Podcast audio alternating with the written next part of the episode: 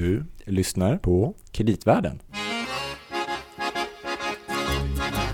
Vi bor på landet och snart ni fann Vi behövde någonting i stallet Det var då förresten Vi köpte hästen Och gnägg och gnägg från lilla stallet Hörde vi på idag Oj, oj, oj Gabriel. Louis, ska, vi, ska jag se det här som en slags peak? Eller någon... Nej, jag tycker att du ska se det som en rivstart på kreditvärlden för idag. Ja, just det. Är lite stämningshöjare, tänker jag. Inget konstigare än så. Nej, nej, Nej, nej. nej. In i stallet bara. äh, men, ja. Nej, men det är väl fint med landsbygden. Ja, absolut. Stad och land, hand i hand. Mm. Mm. Gröna vågen. Louis Landeman, Gabriel Bergin. mm. du jobbar på Danske Bank, Mm. Ja. Och du jobbar på Stadshuset. Stockholms stad. Stockholms stad heter Mm. det. Mm. Just det. Trevligt. Kreditvärlden är en podcast om eh, primärt kreditmarknaden, Ja. eh, i övrigt generellt om finansiella marknader. Mm. Men som vi ska få höra idag, även om många andra saker. Precis, och vi ska höra om en sektor som är stor på kreditmarknaden. Som vi har pratat om förut. Mm. Kommuner. Mm. Jag känner till kommuner. Och har du tänkt på en annan sak Gabriel? Idag är det avsnitt 99. Ja. Vi närmar oss. Mm. Fantastiskt. Ja. Ja. Mm. Men jag funderade på en sak. Mm. Eh, vi ska ju prata om kommuner. Ja. Du, du, ibland gör vi så här utblickar Mm. till andra delar av världen Ja. och särskilt våra grannländer i Norden. Mm. Mm. Händer det inte lite grejer där? Jo men precis, det är ju lite så här i skymundan här på att säga, men det är väl för att vi i Sverige har så dålig koll på våra nordiska grannländer. Det har ju blivit en regeringskris i Finland. Mm. Och det är ju... Det är kommunernas fel. Ja precis, är det det... Eller? ja det är det vi ska ta reda på. Just det. Mm. Nej men eh, vi kan väl lyssna på ett eh, lite så att man får en intro här från radion när det Mm. hände. Med fem veckor kvar till riksdagsval kom dagens besked som en överraskning, trots att Sipilä gång på gång under den här mandatperioden har låtit förstå att regeringen avgår om vårdreformen inte blir av, och tiden rann helt enkelt ut. Vårdreformen är ett mycket omfattande och komplicerat lagpaket, men riktigt förenklat sagt kan det beskrivas som att vården helt och hållet skulle göras om, så att Finland delades in i 18 landskap, som istället för kommunerna i dagens läge erbjuder vård. Det här har varit det viktigaste för statsminister Juha Sipilä och hans centerparti. Den andra stora förändringen, som regeringskollegan Samlingspartiet har haft som sin största hjärtesak, har handlat om att öppna upp vårdmarknaden på ett helt nytt sätt för privata aktörer. Till detta hade det ännu kommit en massa andra förändringar. Precis, det här var för några veckor sedan. Just det. Mm. Och nu är det snart mars val. tror jag. Ja det är eh, i april. Mm. ska ju valet ske. Så då får vi se då. Men det här är ju rätt intressant för det lyfter ju många frågor som eh, det är inte direkt specifikt för Finland. Och det är lite som vi var inne i och diskuterade förra avsnittet med Thomas Ris. Apropå offentliga sektorn, det här med hårda prioriteringar och ökade kostnader och det är säkerhet och det är många andra saker som ska hanteras. Och hur ska man klara det? Det är väl lite det här som har varit på tapeten då även i Finland Mm. om man är oense här om hur man ska gå tillväga helt enkelt. Och det är svårt att hitta en enkel lösning antar jag. Men för att reda ut lite grann om det här Mm. och ur svenskt perspektiv Precis. så har vi med oss Precis. En kär gäst som har varit med förut här Mm. i vår podcast. Josefina Syssner. Välkommen tillbaka. Tack ska ni ha. Du är då biträdande professor i kulturgeografi. Det stämmer. Och sen är du även verksam vid den här fina institutionen som vi har pratat om tidigare. Centrum för kommunstrategiska studier. Mm, det I. Linköping. Precis. Mm. Kan du berätta en gång till lite kort vad, den, vad det centrumet är? Mm. Eh, Det är en forskningsmiljö på Linköpings universitet som jobbar med alla möjliga frågor som är intressanta för den svenska kommunsektorn. Eh, Vi jobbar med frågor som rör politik och demokrati. eh, Politikens relation till medborgarna. Vi jobbar med frågor som har att göra med hur politik och förvaltning samverkar eh, i en kommunal organisation. Mm. Eh, Vi jobbar också- med frågor som handlar om lokal utveckling. Hur kommuner på olika sätt kan jobba för att främja lokal utveckling. Just det, det är något projekt ni håller på med just nu, är det inte så? Mm, mm. Så vi har flera projekt. Vi är ett 20-tal personer som jobbar där på olika delar av vår tid eh, och är, jobbar i både forskningsprojekt och också delvis är, undervisar på, Lin- på Linköpings universitet. Mm. Och du var ju med en gång tidigare här eh, och det var därför vi tyckte det var så intressant och vi ville att du skulle komma tillbaka. Och den som vill lyssna på det första avsnittet med Josefina. Alltså går tillbaks till avsnitt 76 som heter Allt äga framtiden. Paus, gå dit och så kom tillbaka hit. Så där, Nu så är så. vi tillbaka. Ja, Mm.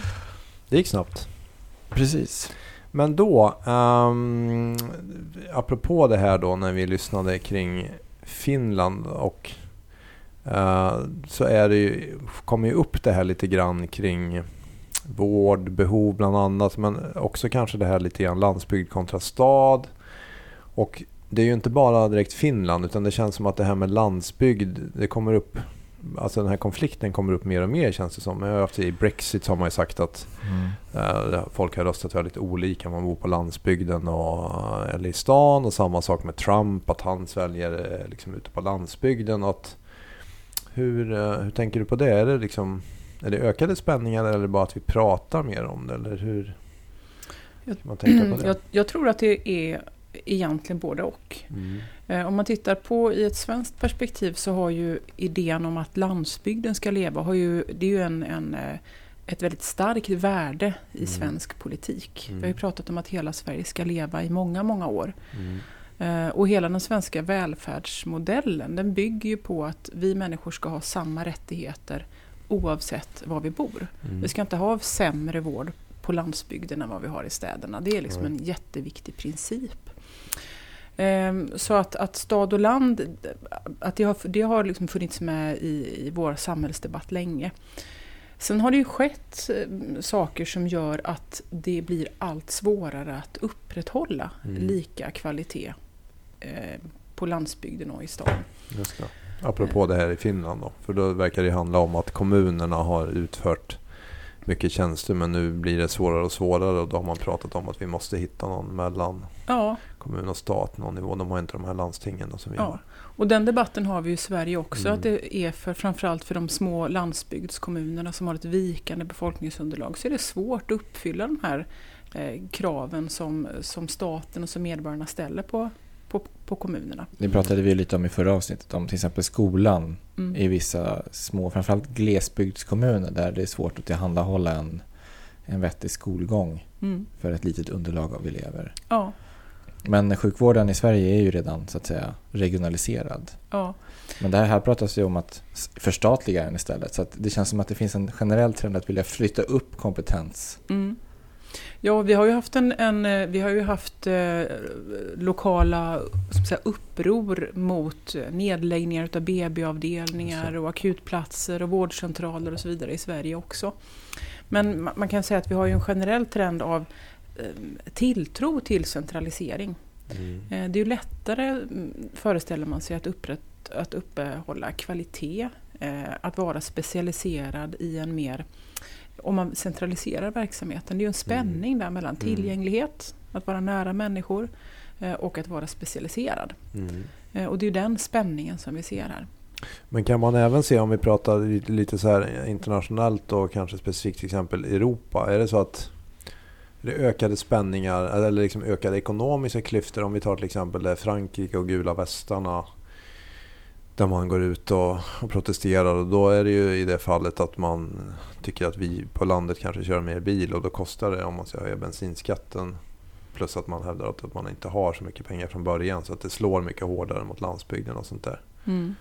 Så Ja. har det blivit, det är liksom en generell att det är mer press eh, Ja, och sen så, jag tänker att, att samhället har ju genomgått flera olika förändringar de senaste 30-40 åren skulle man kunna titta på bara. Och då är ju urbaniseringen är ju en sån trend av att Mm. eh, städerna tenderar att växa och Mm. landsbygden tenderar att, att eh, tappa befolkning. Eh, och det är inte bara så att man blir fler i städerna och färre på landsbygden utan man blir också äldre i städer, Mm. på, på landsbygden och det finns en, en, en större andel unga i städerna. Mm. Eh, vi har också haft en strukturomvandling i ekonomin som gör Mm. att många utav de nya jobben finns i städerna samtidigt Mm. som avindustrialiseringen har gjort att många arbetstillfällen har försvunnit på landsbygden. Så att det finns, skulle man kunna säga, en förflyttning eller ett flöde utav olika typer av resurser till Mm. städerna. Eh, och det är klart att det skapar spänningar eh, Mm. mellan stad och land. Och hur i det sammanhanget, hur ska, jag tänkte på det här med EU som projekt så.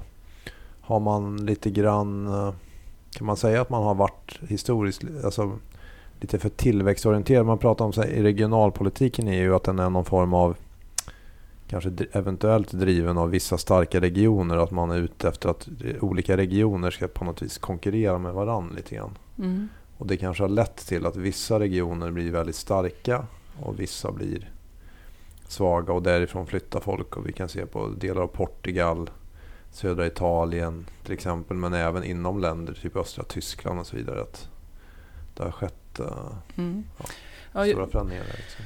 Um, jag tycker att man kan identifiera ett, ett paradigmskifte i den regionala utvecklingspolitiken från början på 90-talet. Um, mm. Tidigare så fanns det en idé om att staten både kunde och skulle omfördela värde från mm. rika och resursstarka områden till de mer fattiga. Eh, men runt 90-talet, 90-talets början så ifrågasatte man den här strukturstödspolitiken från mm. väldigt många olika håll. Bland att, annat. Att det var för dyrt? Då, det var för dyrt. Man tänkte att, att, det, att det är orimligt att staten håller struktursvaga regioner under armarna därför mm. att de, eh, det är inte hållbart över tid. Det är för dyrt och, och mm. det skapar heller inte utveckling och tillväxt var kritiken mot, eh, mot den där strukturstödspolitiken. Mm. Eh, och den politik som då växte fram, eller det recept som växte fram var att, att alla regioner istället skulle Eh, istället för att sätta ord på vilka behov av stöd som man hade mm. så skulle man sätta ord på, sina, eh, på sin tillväxtpotential och på sin möjlighet att skapa tillväxt och utveckling underifrån.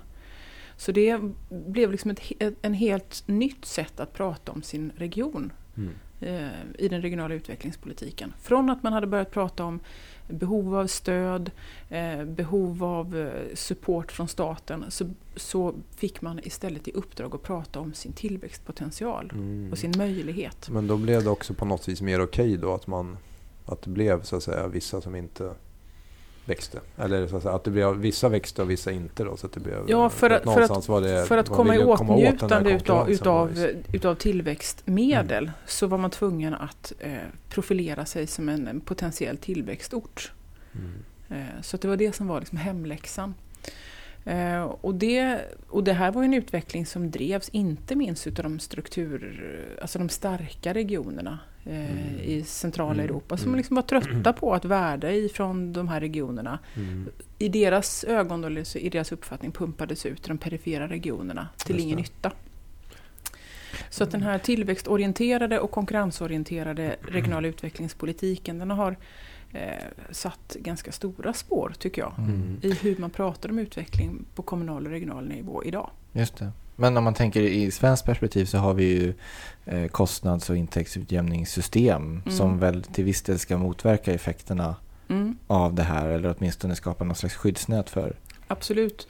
Och, och, det är också viktigt att framföra, för ibland så, så framstår det som att landsbygden är helt lämnad åt sig själv med alla sina välfärdsbehov, men så är det ju inte, utan det förekommer ju en omfattande utjämning i Sverige. Mm.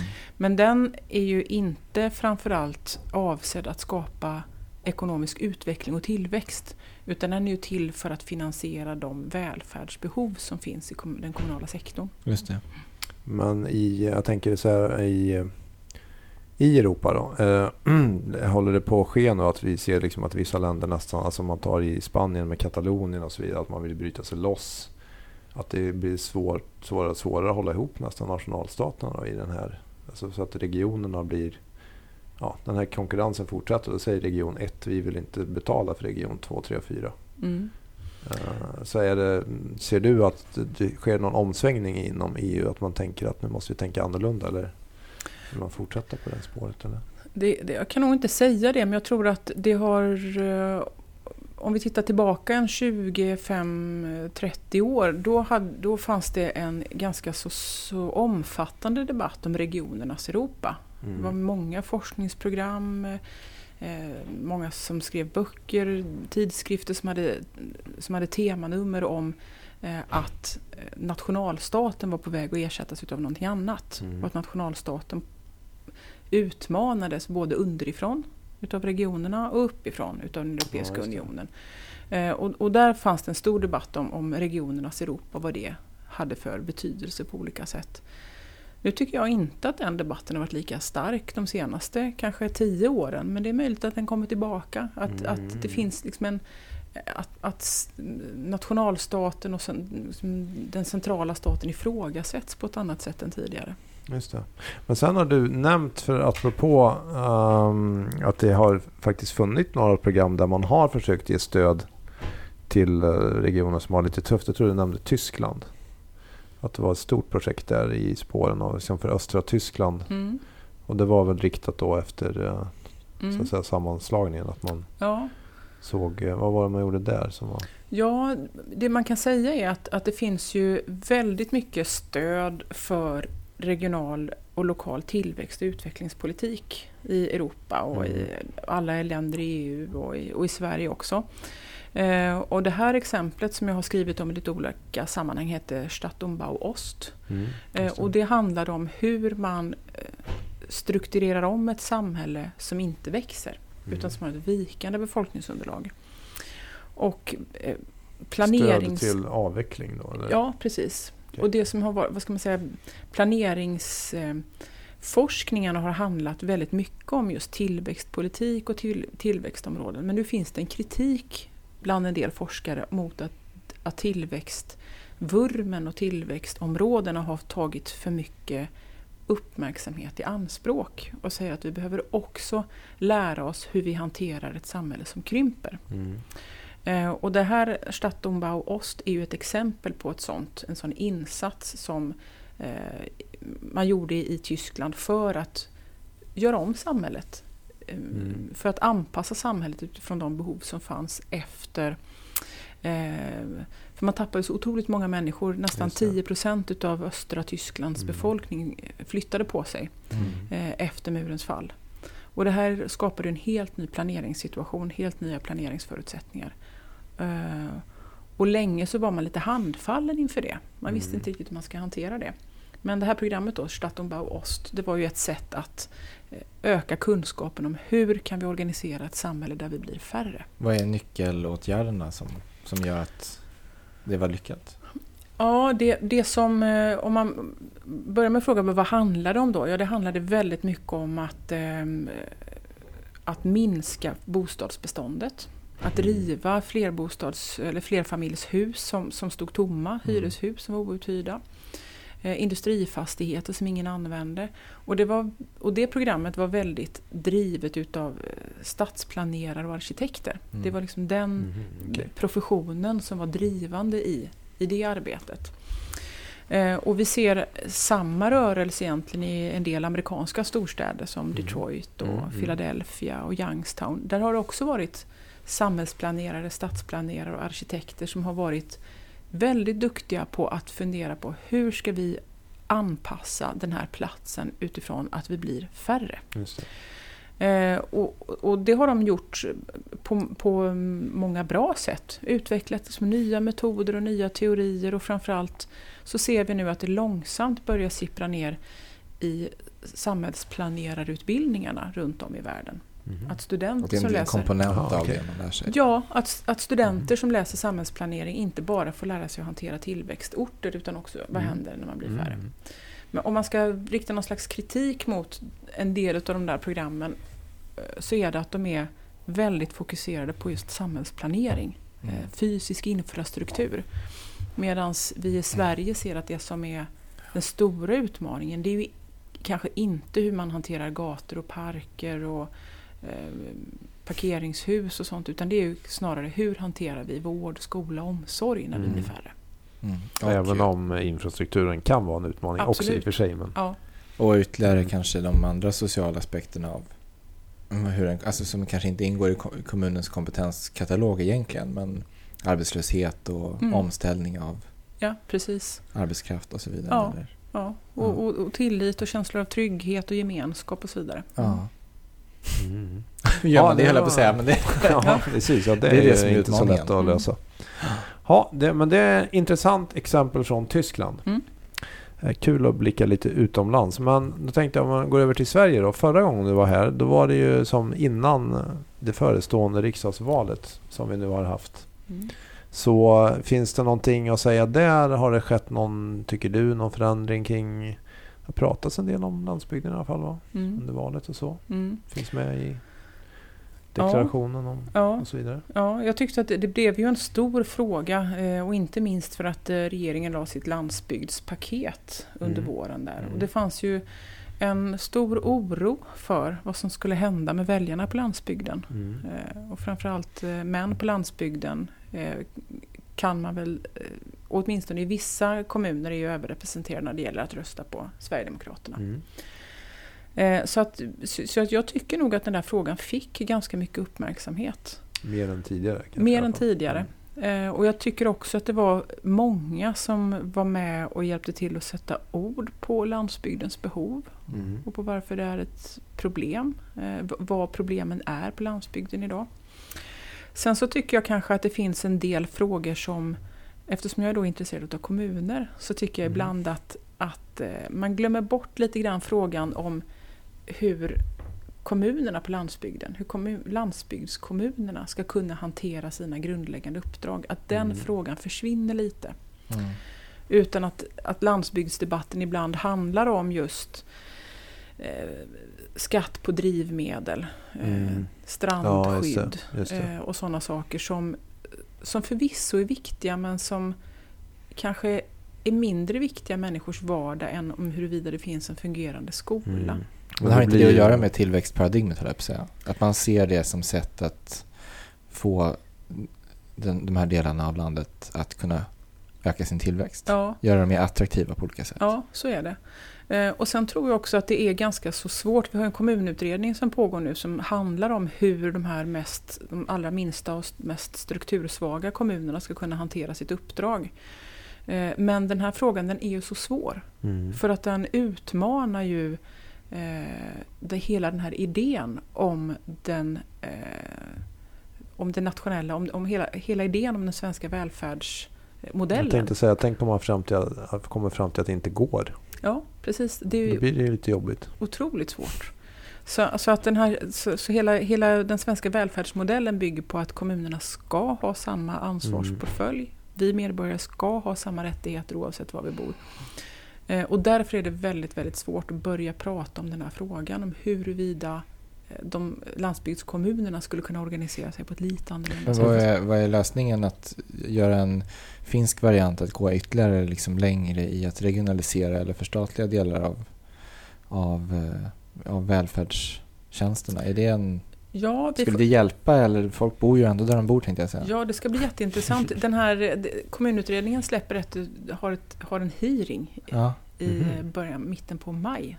Så den får ni bevaka. Mhm. Får man gå dit? Då får ni gå dit. Kreditvärden är där. Ja, precis. Så att jag, jag, det, det ska bli jätteintressant att se vad det är för förslag som de lyfter upp. Mm. Eh, Men det finns ju lite olika idéer som har lyfts upp i debatten utav olika, eh, både forskare och andra.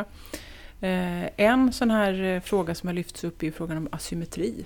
Kanske skulle man Mm. kunna ha olika ansvarsportföljer för olika kommuner beroende Mm. på vilken kapacitet de har. Eh, Det är inte så sannolikt att ut, den här utredningen landar i några avancerade asymmetriförsök. För att det skulle bli väldigt, väldigt svårt med ansvarsutkrävande och liknande Mm. om olika kommuner har olika ansvar. Om vi ställer olika krav på olika kommuner. Men i praktiken är det ju kanske så redan. Fast Mm. man vill inte säga det då. Nej, så att det kan finnas en, en de facto asymmetri. Mm. Men, men uppdraget ser på pappret precis likadant ut. Mm. Ehm, Så att asymmetrimodellen är ju en, en, ett förslag, eller en typ av reform som har lyfts fram Mm. som möjlig. Eh, Sen är ju kommunreform, alltså kommunsammanslagning, är ju också en fråga som lyfts fram i debatten. Eh, Men var det inte du som sa förra gången att eh, när man gjorde förra kommunreformen då hade man ju sagt att en kommun, jag kommer inte ihåg vad det var, det 7000 ja, eller 8000. Mm. 8000 skulle man behöva vara för att kunna göra alla grejer. Mm. Och nu har vi ganska många kommuner som är väl under 8000. Mm. Och, och, och då finns det ju en del som tänker att jo, men då, då slår vi ihop kommunerna så att de blir Mm. större, får större enheter. Eh, och, och, i det så bygg, finns ju en idé om att om vi centraliserar så kommer vi att få eh, effektivitetsvinster utav det. Mm. Men då finns det ju motargumentet där att det finns ju demokrativärden i Mm. att, att kommunerna inte är alltför stora. Ja, just det. Så att asymmetri är en sån här modell som lyfts fram, kommunsammanläggningar. Sen blir det ju kanske blir gigantiska kommuner Precis. rent Det finns- geografiskt. ja, så det blir liksom helt omöjligt ändå. För Ja. Jag tänkte det gör ju ingenting åt geografin. Nej, Och om det är det i vissa fall som är det som kostar pengar så exakt. att man kan samordna så att vissa grejer tar, blir en personal istället för två kanske inte väger så tungt Nej, precis. Så att, så att, eh, i budgetsammanhang. nej. Så att de, de kommuner som är allra minst och är allra, har, allra, har det allra tuffast, där är det väldigt svårt att se att en kommunsammanläggning skulle hjälpa dem på något sätt. Just det. att, eh, I eh, en, en bok som du har skrivit som vi kommer komma tillbaka till. eh, så vi nämnde lite grann av det här förra gången. Men då hittar man lite intressant så här statistik kring till exempel om man tittar på skolan som exempel. Och då tittar man på ett antal i krympande kommuner. Så tittar man på hur många barn var i grundskolan 75 och 2017. Och så har man nämna några exempel på den här listan. Om man tar Åsele, Överkalix och Sorsele som står längst upp här. Då. Då hade de ett minskade elevunderlag med 51 procent, 64 procent, 51 procent den perioden. Och det var då mycket mer än vad befolkningsminskningen var. Så att det är det här att de yngre, de får, man får inga barn så att säga. Mm. Så det blir ju extremt svårt och såklart. Nu är det förvisso under en lång tidsperiod men ändå Mm. det är svårt att ställa om här. Ja, det är jättesvårt. Eh, och jag tänker att vi behöver bli bättre på att utveckla kunskap kring hur vi kan bedriva vård och skola och omsorg i extrem glesbygd. Mm. Det, det tänker jag är en viktig uppgift. Jag kan säga att utmaningen i Stockholms stad är något annorlunda Mm. vad gäller. Försörjning av Ja, olika precis. skolor. Är det skolbrist istället? Mm. Ja, och jag tänker att när jag, jag, jag, i den här tabellen där jag ly- lyfter upp hur, många, hur elevunderlaget har förändrats. Mm. Det är ju i absoluta tal hur många barn Mm. gick i skolan på 70-talet och hur många barn går i skolan nu. Det kan ibland vara lite bra att få liksom konkreta siffror på an, antalet barn. Det är Mm. lättare för människor att, att få en kanske en förståelse för att man behöver göra om skolans organisation och för att man inte kan ha samma antal skolor som tidigare. I Överkalix var det 789,75 och nu är det 283. Ja. Så det är Mm. ungefär 20, 20 skolklasser har försvunnit under den här tidsperioden. Men då nämner ni lite grann i boken också att ni pratar om att göra annorlunda eller att ja, det är liksom, Mm. man måste tänka ganska radikalt. Ja, och där tror jag egentligen att vi bara är i början på, eh, på det. Eh, Mm. och, och jag brukar säga att, att just den här tillväxtparadigmet eller tillväxtvurmen som råder, den har liksom gjort att, att vi är jätteduktiga på att lära av varandra när det gäller eh, att utveckla modeller och recept för tillväxt. Men när, vi, när det handlar om modeller och recept för att hantera att vi blir färre och eh, enorma avstånd, då är vi lite sämre på. Men sen tar ni ju även upp det själva att det blir ju också en ökad sorts konkurrens i kommunen då. För att om du har den här svåra situationen så blir det ju liksom du ska prioritera på något vis. Så det, blir, det kan ju leda till väldiga konflikter då tänker jag mellan olika grupper i den kommunen. Ja. Troligtvis. Och, det, och jag, jag tycker ibland att jag, drivs mycket av att försöka förklara på ett enkelt sätt eh, premisserna för politiskt beslutsfattande. Och i det politiska beslutsfattandet så ingår ju att man ska prioritera. Det är därför vi väljer politiker Mm. som ska Men ni prioritera. nämnde ju själva, det var någon eh, kommun i Dals-Ed här tror jag att det var, att det stod att att då hade de, länge då så kostade, om man skulle ha hemtjänst, då kostade det 410 kronor per månad. Det spelar ingen roll hur mycket hjälp man behövde. Men sen på grund av att man var tvungen att spara, då har man gått över till en timtaxa. Nu kostar det 315 kronor per timme och ett maxtak på 2000 kronor i månaden. Mm. Så det är ju klart att det blir rätt jobbigt om man är socialchef där. Jättejobbigt. Eh, och framförallt, jag tror att i boken så är det socialchefen som lite symptomatiskt får försvara det beslutet Mm. i radio. Ja, fast visst. att det är ju inte han, inte utan det är politiken som har fattat beslutet. Mm. Eh, nej, så att, jag, så att i den här situationen, när man, om man blir färre, resurserna Mm. minskar, men man kanske blir äldre så att vårdbehov och så vidare ökar, då uppstår det jättetuffa prioriteringsbeslut. Mm. Och det som är mitt, mitt budskap i den här boken då, som handlar om, om eh, kommuner som krymper, det är ju att någon måste fatta de besluten. Ja. Och mitt förslag är ju att det är politiken. Eh, kritiken som vi möter bland många tjänstepersoner i de här kommunerna det är ju att politiken inte vågar fatta prioriteringsbeslut. Mm. Så blir det liksom tjänstemännen som Ja. får, som han är då, som får Precis, utan man gör liksom. generella besparingar Mm. eh, och då, är det ju till, då blir det ju till, till syvende och sist blir det ju verksamheten som själva får prioritera. Mm. Eh. Men sen Man bara går så att säga mot en en oundviklig, ett oundvikligt faktum. Ja, eller jag, jag, jag tänker att, att ett, ett sätt att hantera en budget om man blir fler och fler äldre och färre och färre barn Mm. är ju att flytta över resurser till äldreomsorgen och flytta de resurserna från skolan. Det är ju en lösning. Men då så kommer ju de som föräldrar och barn och lärare att bli, naturligtvis bli irriterade för då sker det ju en nedprioritering där.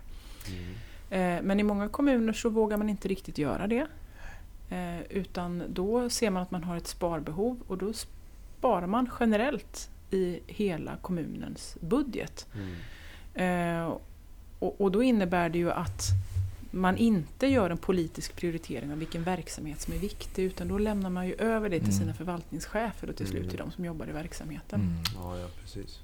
Så att anpassningen blir liksom inte aktiv, det blir inte ett Nej. aktivt Man, liksom, prioriteringsbeslut utan det blir något att man bara man backar in i det på Ja. vis, eller vad ska säga.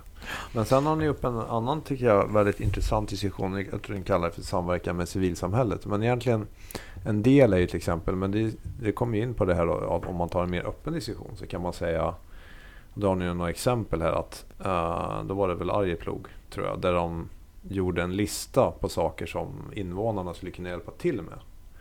Och då var det exempel så här, klippa gräs, laga hål i gatan, underhålla vandringsleder uh, och så vidare. Och eh, då kan man tycka att det här ska det offentliga göra. Men om man nu är i den situationen, ja men tyvärr vi har inte råd med allting. Mm. Då kanske det kan leda till något positivt också. mm, För att det kan ju bli eh, någonstans, om man, får, om man får snurr på det så kan det bli en mm, lite vi-känsla kanske. Att man Mm. känner att vi gör det här tillsammans. ja. Eventuellt.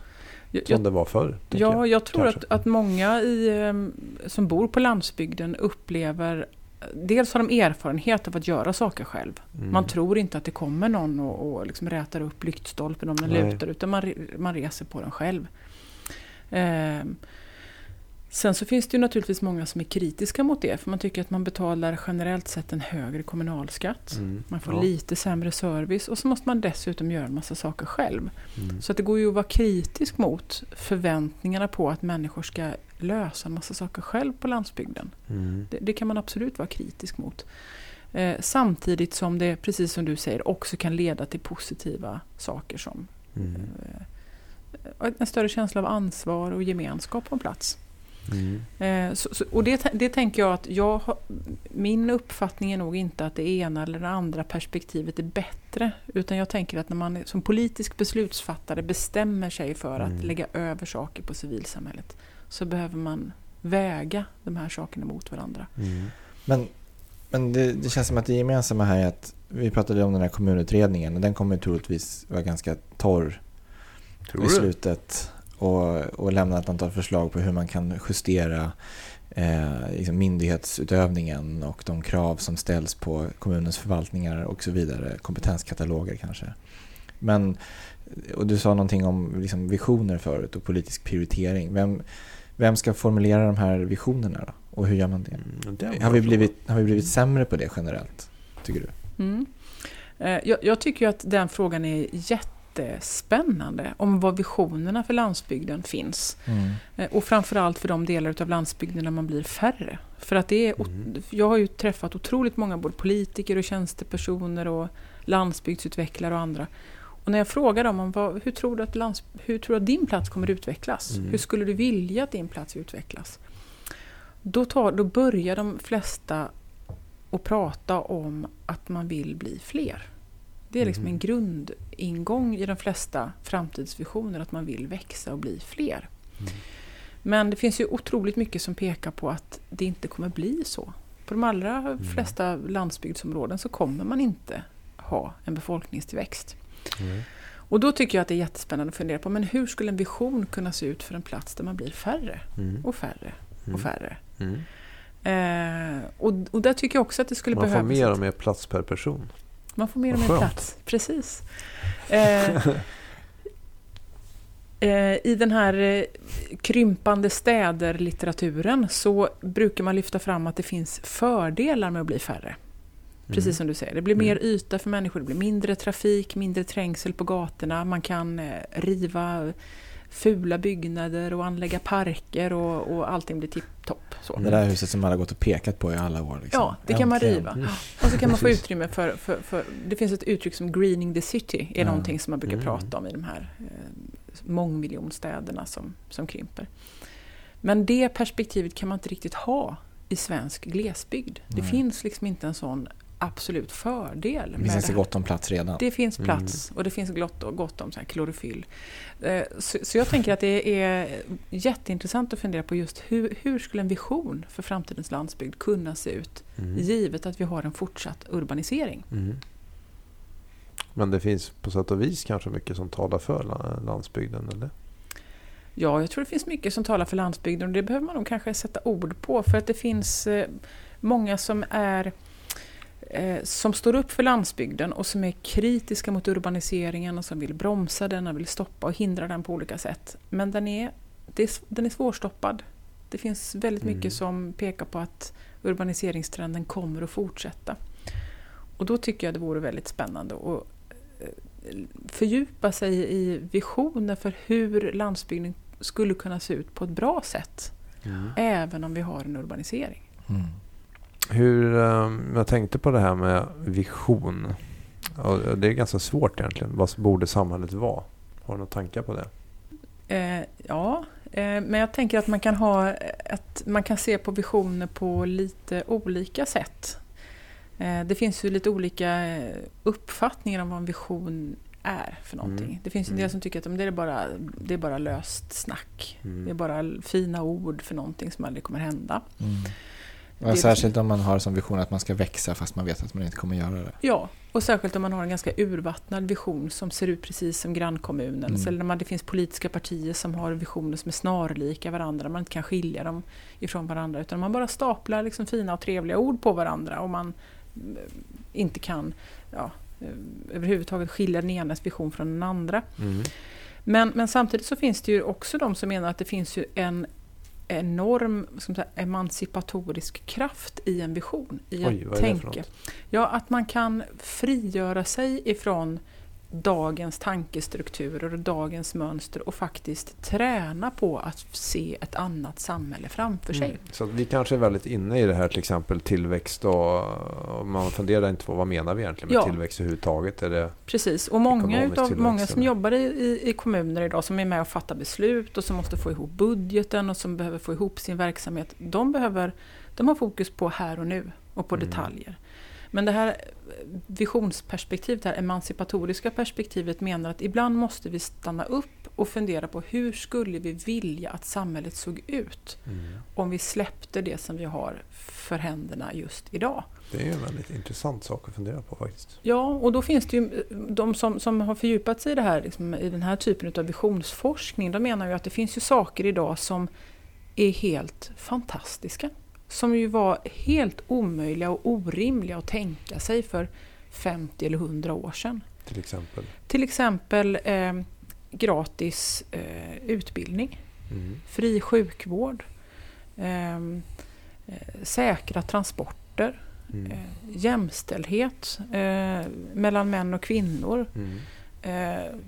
Apartheids avskaffande. Saker som vi kanske tar för givna då. Många. Saker som vi idag tar för givet men som är ett resultat utav en Mm. lång politisk kamp och som Mm. är ett resultat utav att någon, för no, någon gång för länge, länge sedan vågade tänka en tanke som var helt orimlig. Mm. Ehm, så, så att med det i bagaget så Mm. skulle man faktiskt kunna fundera på men hur, hur skulle vi vilja att landsbygden såg ut? Men det pratas så mycket om hållbarhet till exempel. Och då tänker jag att det borde ju passa, höll jag på att säga, landsbygden ganska bra. Eller Mm. liksom att närodlat och Mm. alla Mm. saker som man vill ha. Ja. Det låter som att du håller på att formulera en vision för landsbygden, Robert. Mm, för mig själv. Mm. Hänger ihop. Ja, Mm. eller hur? Mm. Egentligen borde det vara lättare att bo på landsbygden idag ju. Mm. Med alla uppkopplingar och bredband och, som Mm. blir mer tillgängligt och så vidare. Eller? Mm. Ja, det är en, jag- har ju försökt att, eh, hitta de här visionerna för framtidens landsbygd och då är ju den här uppkopplade platsen Mm. en, en ganska tydlig vision. Att där ska man kunna bo eh, och jobba och leva eh, oavsett liksom, var någonstans som helst just för att det finns en uppkoppling. Mm. Så att den uppkopplade landsbygden är en tydlig vision. Det som är intressant i den är att den, den bygger lite grann på att man inte behöver ha så mycket med sina grannar att göra. Man behöver inte gå till Nej, jobbet, man behöver inte Nej, träffa någon, Nej, man behöver inte gå till Det är affären och handla. lite stort. Ja. jag Och att någon har så att säga betalat och byggt en infrastruktur Precis. som är digital. Ja. Mm. Just det. Kanske med statliga medel eller något sånt där annat otrevligt som man inte tycker så mycket om. Ja. Mm. Nu, förlåt, nu Det kan vara privata pengar också. det är jag som är den bromsande kraften känner jag för de här Det visionära. var ovanligt. Nej, ja. Men jag, tror, jag tycker att det, du pekar på en viktig sak, att i varje vision så finns det en intressekonflikt. Mm. Eh, Det är ju inte så att en vision, bara för att den är en vision, är i naturen, av naturen god eller bra. Nej. Utan den bygger på att, på att något intresse får eh, överhanden. Mm. Eh, och att någon grupps intressen eller att något värde får eh, större spelrum. Mm. Mm.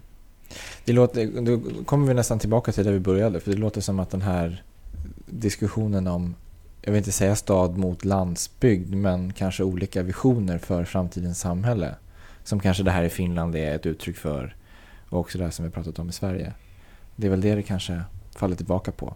Att, nå, att det finns lite olika visioner även om man kan tycka att vissa är inte så välformulerade eller genomtänkta. Mm. Och att vi måste komma överens om. Mm. Jag tänker att men som en vision som, som, som den svenska välfärdsmodellen bygger på är ju att, att eh, samhället ska erbjuda samma rättigheter till människor oavsett var vi bor. Mm. Eh, och vi kanske börjar närma oss ett läge där den visionen inte, att den är väldigt, väldigt svår att leva upp till. Mm. Och då kanske Och man då behöver kanske man får välja så säger man att ja, men nu har jag den uppkopplade landsbygden så då bor jag här ute. Jag behöver inte prata med mina grannar. Men sen måste jag gå ut och laga det här hålet i vägen och då kommer jag träffa mina grannar i alla fall. Mm. Det låter väl bra? Kan inte du skriva ner? Jo men apropå det. Mm. Så vi skulle ju faktiskt ha en liten tävling Just har vi det. bestämt Mm. i podden idag. För att det är så här, en av dina böcker den kom ut i höstas va? Mm. Mindre många heter den. Väldigt bra bok kan jag rekommendera. Som du har bläddrat i under poddavsnittet Love. Ja, det har jag bland annat gjort och Mm. även läst. Ja, Fast inte, absolut. inte samtidigt som vi pratade dock. Nej. Det hade varit övermäktigt. Men i alla fall så har vi faktiskt ett, ett, ett exemplar av den här boken. Jag har bara bläddrat lite grann i det. Jag har ett annat också. Så att det, den är så gott som ny. Mm. Och den kommer vi att lotta ut. Men för att man ska vara med i den här utlottningen så måste man formulera en vision för landsbygden. Och den Just bästa visionen kommer att vinna den här boken. Där juryn är, Du och jag Gabriel. ja, kanske Och med lite även inspel från Josefina. Ja. Mm, precis. Och jag tror att Josefina, det känns som att du får ha ett veto. Mm. Vad kul. Och vi försöker hålla oss från politisk färg i den här bedömningen. Ja, man får väl... man får- Det är konstnärlig frihet, höll jag på att säga. Just det. Ja. Ja, ja, men det, ja mm. Jättebra. Mm. Kanske kan man skicka då till exempel till brev att kreditvärden.se om Mm. man känner att man vill skriva en längre text. Mm. Och vill man hålla sig kort och kärnfull, eh, mer en slogan-karaktär, så Mm. kan man skriva det på Twitter till oss på Absolut. kreditvärden. Absolut. Ja, Det blir spännande att se mm. Twitterflödet på det här. ja visst. Det kommer Mm. explodera. Mm. Vad spännande det ska bli. Jag ser redan fram emot. Roligt om, om eh, folk vågar vara lite vassa, tänker jag. Just Och utmana lite och tänka lite orimligt. Ett medskick. Tänka emancipatoriskt. Mm. Mycket bra. Mm. Jag tänkte Gabriel. Men vi vänta, får jag bara ja. fråga. Om Louis skickar in en egen, hur ska vi göra då? ja, ja det är precis. Eh, ja, nu blir det lite orolig va? ja, vi får Då får du kontra med någon annan. Ja, just det. Bra. Ehm, vi började ju där med Bröderna Djup. Mm. Och det är så här för den som inte vet det. Uh, det gäller att hålla tungan rätt i mun. De kommer ju faktiskt från Lidköping. Mm. Mm.